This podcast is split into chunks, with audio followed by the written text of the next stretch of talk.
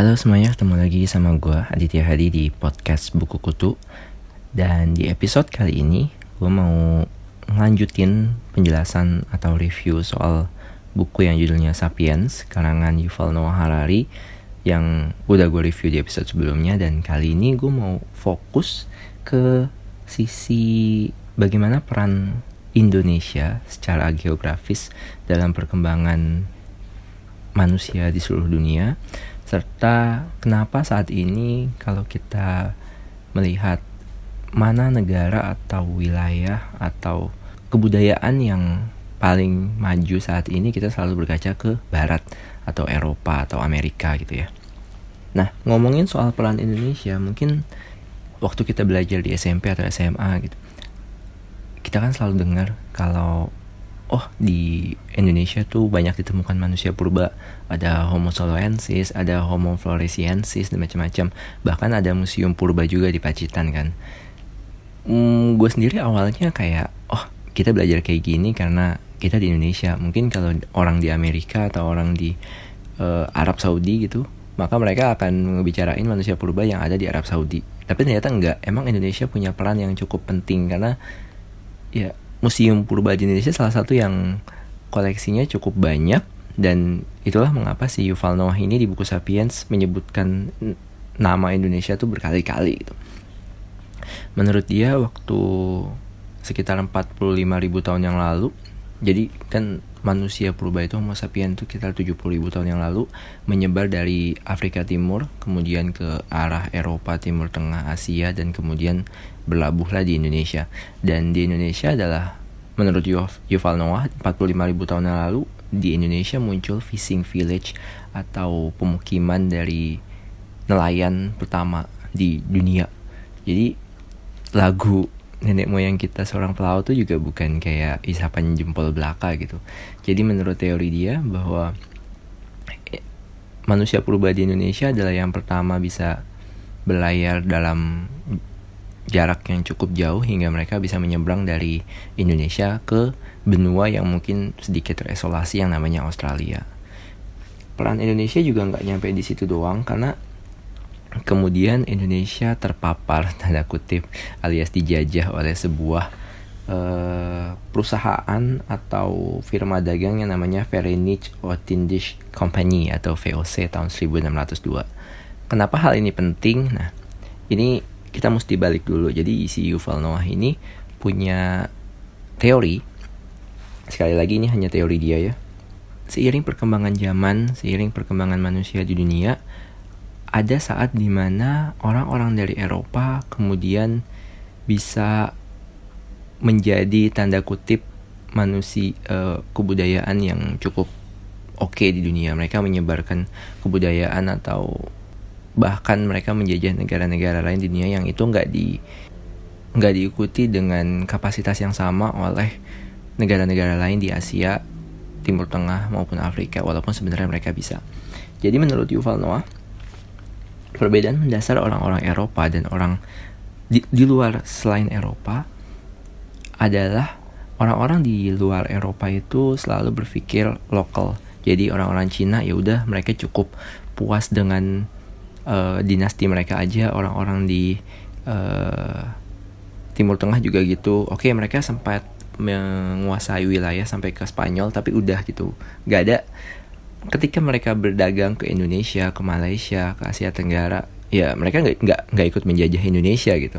Nah perbedaan orang-orang Eropa dengan orang-orang non Eropa adalah ketika orang Eropa me berlayar atau bepergian ke tempat lain, mereka punya dua hal. Mereka membawa dua dua hal atau mungkin tiga.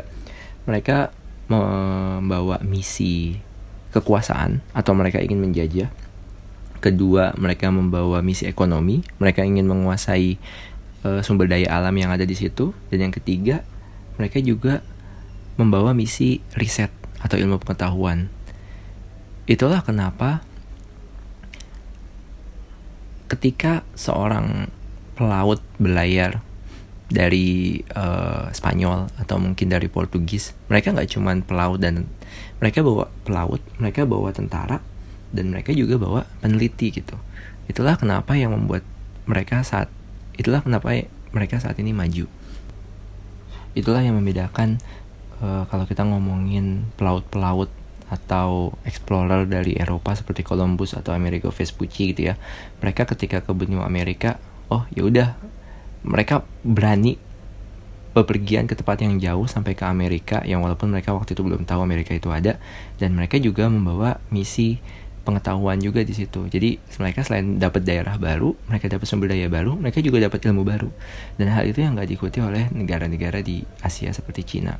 Padahal waktu itu Cina juga ada armada perang juga, ar, uh, explorer juga namanya Zheng He. Bahkan dia punya kapal laut dan punya armada yang jauh lebih be besar dan jauh lebih banyak dibanding si Columbus tapi kemudian ada sejarahnya dia pergi ke Indonesia dia pergi ke India dia pergi ke Timur Tengah tapi mereka nggak uh, mereka nggak ikut menjajah mereka nggak apa itulah yang kemudian membawa membuat uh, itulah yang membedakan antara orang-orang Eropa dan orang-orang Asia. Di satu sisi oke okay, bagus kita nggak dijajah sama Cina gitu ya. Tapi di sisi lain ya sekarang kebudayaan yang tanda kutip menjadi panutan atau nomor satu ya harus diakui kebudayaan Barat atau kebudayaan Eropa.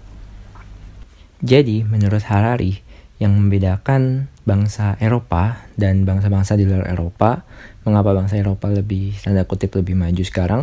Karena mereka willing to admit ignorance. Mereka mengakui bahwa mereka nggak tahu apa-apa dan mereka berusaha untuk mencari hal-hal baru di luar wilayah mereka, di luar jangkauan ilmu pengetahuan mereka karena mereka melihat banyak hal yang kita nggak tahu. Sementara orang-orang di luar Eropa lebih memilih, oke okay, ya udah kita di sini aja, kita merasa udah tahu segalanya, kita merasa udah dapat segala ilmu pengetahuan ya udah kita stay dengan status quo aja seperti itu.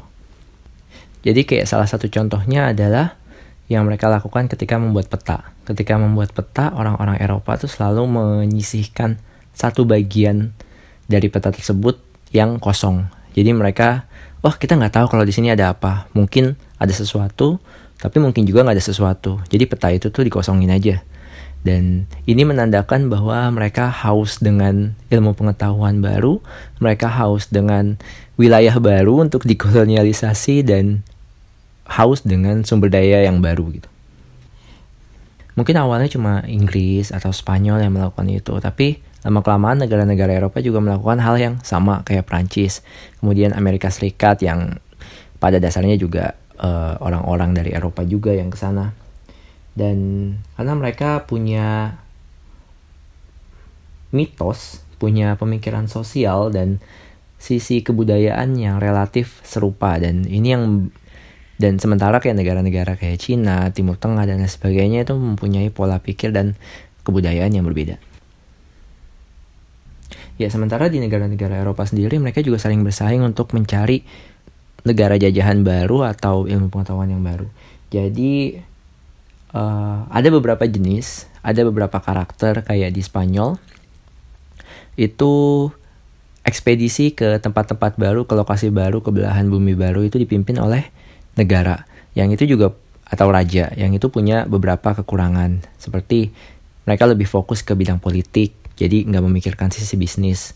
Kemudian mereka uh, mereka juga lebih tanda kutip semena-mena kalau mereka misalnya bisnisnya gagal mereka bisa langsung aja nangkep atau mengancam atau mengintimidasi para para pebisnis atau investor yang ingin berinvestasi di eksplorasi wilayah baru tersebut. Karena ya nggak bisa dipungkiri kalau ekspedisi itu butuh uang dan uang itu cuma bisa disediakan oleh para investor. Dan inilah saat di mana Belanda muncul sebagai salah satu uh, negara top negara maju di Eropa pada waktu itu. Mengapa? Karena di saat negara-negara lain lebih fokus mengembangkan ekspedisi ke luar negeri dengan berdasarkan negara, mereka justru mengandalkan sisi market atau sisi bisnis itu sendiri.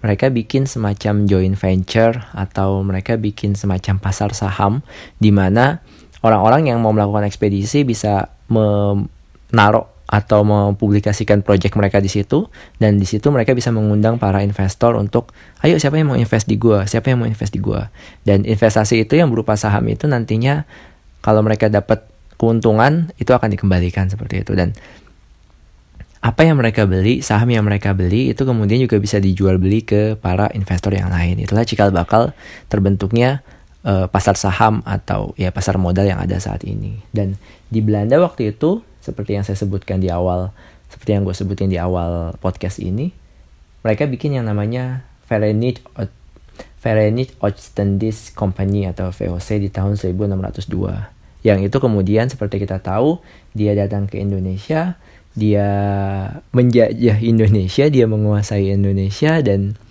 ya pada dasarnya Indonesia dijajah oleh sebuah perusahaan bisnis atau sebuah pasar modal yang itu kemudian berlangsung selama 200 tahun baru di 150 tahun terakhir secara resmi negara Belanda dia yang kemudian metasbihkan atau meresmikan Indonesia sebagai negara jajahannya. Jadi emang awalnya ya Indonesia sendiri dijajah oleh sebuah kekuatan ekonomi yang lagi berkembang di Eropa pada saat itu. Dan VOC nggak cuman atau negara Belanda nggak cuman bikin VOC di Asia waktu itu di Indonesia, dia juga bikin di Amerika yang sekarang di tempat yang sekarang sekarang di, di lokasi yang sekarang dikenal dengan nama kota New York. Cuman bedanya di Indonesia mungkin negara-negara lain masih mikir-mikir buat nyerang Belanda di sini, tapi kalau di Amerika karena sumber dayanya sangat banyak dan mungkin ngelihat daerahnya masih kosong dan banyak potensi di sana, negara Eropa yang lain terutama Inggris justru sangat getol menyerang Belanda di sana. Jadi Belanda tuh sempat bikin benteng seperti yang mereka lakukan di Indonesia. Di Indonesia kan juga mereka di beberapa kota di Makassar di mana mereka bikin benteng ya dan itu suatu hal yang wajar. Waktu itu zaman dulu pebisnis, ingat ya, ini bukan negara. Mereka awal masuk ke Indonesia sebagai pebisnis dan mereka mendirikan benteng, mereka nyewa tentara, kemudian mereka juga ber mengajak orang-orang lokal buat membantu mereka, semacam itu. Hal yang sama juga mereka lakuin di New York, tapi waktu itu di New York mereka diserang gede-gedean oleh Inggris dan akhirnya mereka harus menyerah. Ya, dan rasa haus akan hal-hal baru tersebut terus berlangsung sampai sekarang ya seperti kita tahu sekarang perkembangan teknologi udah jauh pesat banget udah ada internet kemudian kita juga masuk ke era AI artificial intelligence atau kecerdasan buatan di mana mungkin nanti di masa depan banyak pekerjaan manusia yang bisa digantikan oleh komputer dan robot. Dan well, kita naik mobil nanti mungkin pakai self driving car mobil yang bisa berjalan sendiri. Hmm, segalanya akan lebih mudah tapi itu juga berpengaruh ke uh, jumlah lapangan pekerjaan yang tersedia untuk manusia gitu. Karena pekerjaan-pekerjaan yang tanda kutip administratif atau remeh-temeh dengan mudahnya bisa digantikan oleh mesin.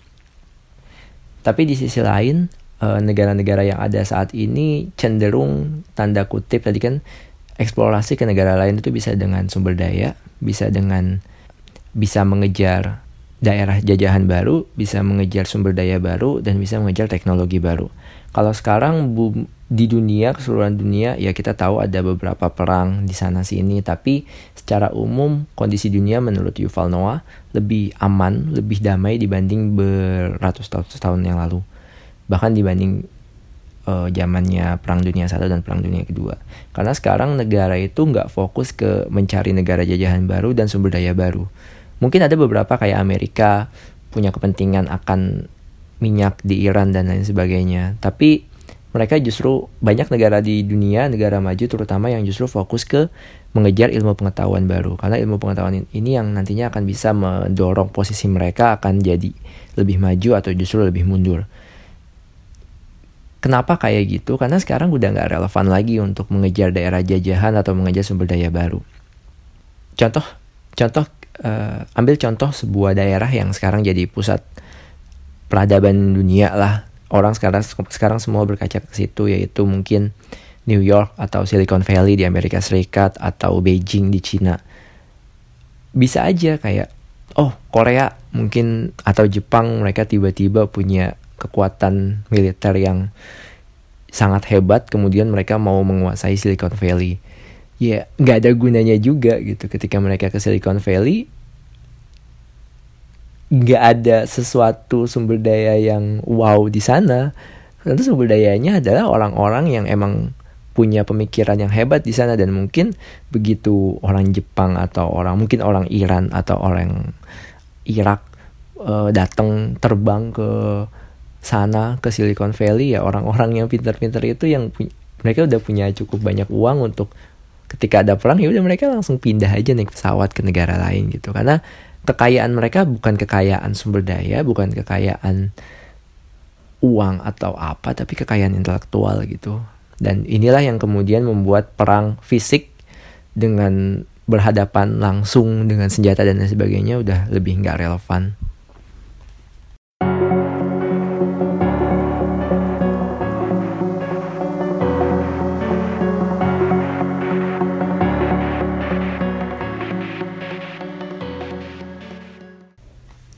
Ya itu tadi sedikit ocehan gue tentang posisi Indonesia di sejarah dunia menurut Yuval Noah.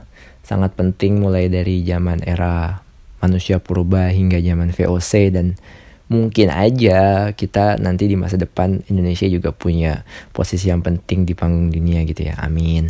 Tapi ya kalau enggak pun kita sudah sadar bahwa negara bahwa uh, berbalik ke opini dari Yuval Noah bahwa negara, agama dan uang, ekonomi dan lain sebagainya itu hanya imajinasi kita gitu kan. Jadi ya nggak terlalu nggak usah terlalu dibawa pusing dan lain sebagainya. Yang penting adalah bagaimana kita secara pribadi ini kalau menurut gue ya. Kalau menurut gue yang penting sekarang Oke, kita udah tahu sejarah dunia kayak gini, sejarah peradaban dunia kayak gini, sejarah kebudayaan Indonesia, sejarah kebudayaan dunia kayak gini menurut opini Yuval Noah. Dan yang terpenting menurut gue adalah gimana kita bisa beradaptasi dengan perubahan-perubahan yang akan terjadi di masa depan. Kita udah tahu banyak sejarah-sejarah di masa lalu yang ya harus diakui orang sebelum Hitler naik, mereka juga nggak sadar bahwa seorang Hitler bisa menjadi Hitler. Sewaktu orang-orang sibuk dengan komputer dan lain sebagainya, mereka nggak sadar bahwa ada satu teknologi baru yang kemudian bisa mendobrak kebudayaan dan kehidupan manusia di dunia yang bernama internet. Baru ketika internet itu udah booming, baru mereka tersadar, oh my god, bu, internet is real things gitu ya.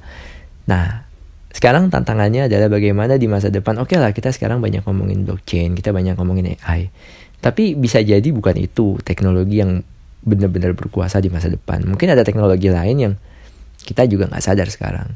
Dan yang terpenting adalah bagaimana kita mengasah daya pikir kita dan mengasah intelektualitas kita dan ya bagaimana kita juga bisa berkomunikasi dengan baik dengan orang lain yang nantinya bisa membuat kita lebih baik lagi di masa depan. Mungkin itu sih kalau menurut gue apa yang gue dapat dari buku Yuval Noah Harari ini prediksi so Yuval Noah tentang apa yang akan terjadi di masa depan akan lebih lanjut dibahas di Homo Deus dan mungkin nanti gue akan baca dan uh, akan gue review juga sih di podcast ini.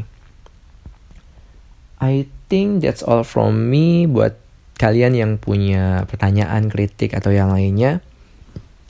Langsung aja hubungi gue lewat email di aditya.hadi@gmail.com atau di Instagram @adityahadi di Twitter, Facebook macam-macam silahkan langsung hubungi gue dan minggu depan mungkin gue akan kembali dengan satu buku dari dunia startup yang menurut gue ini adalah salah satu salah satu dari tiga buku yang wajib dibaca oleh para founder sebelum mereka founder startup teknologi sebelum mereka mulai mendirikan startup. Apa itu? Kita lihat kita tunggu jam di ya setelah ini lah ya minggu depan beberapa hari lagi lah Okay, I think that's all. See you and ciao.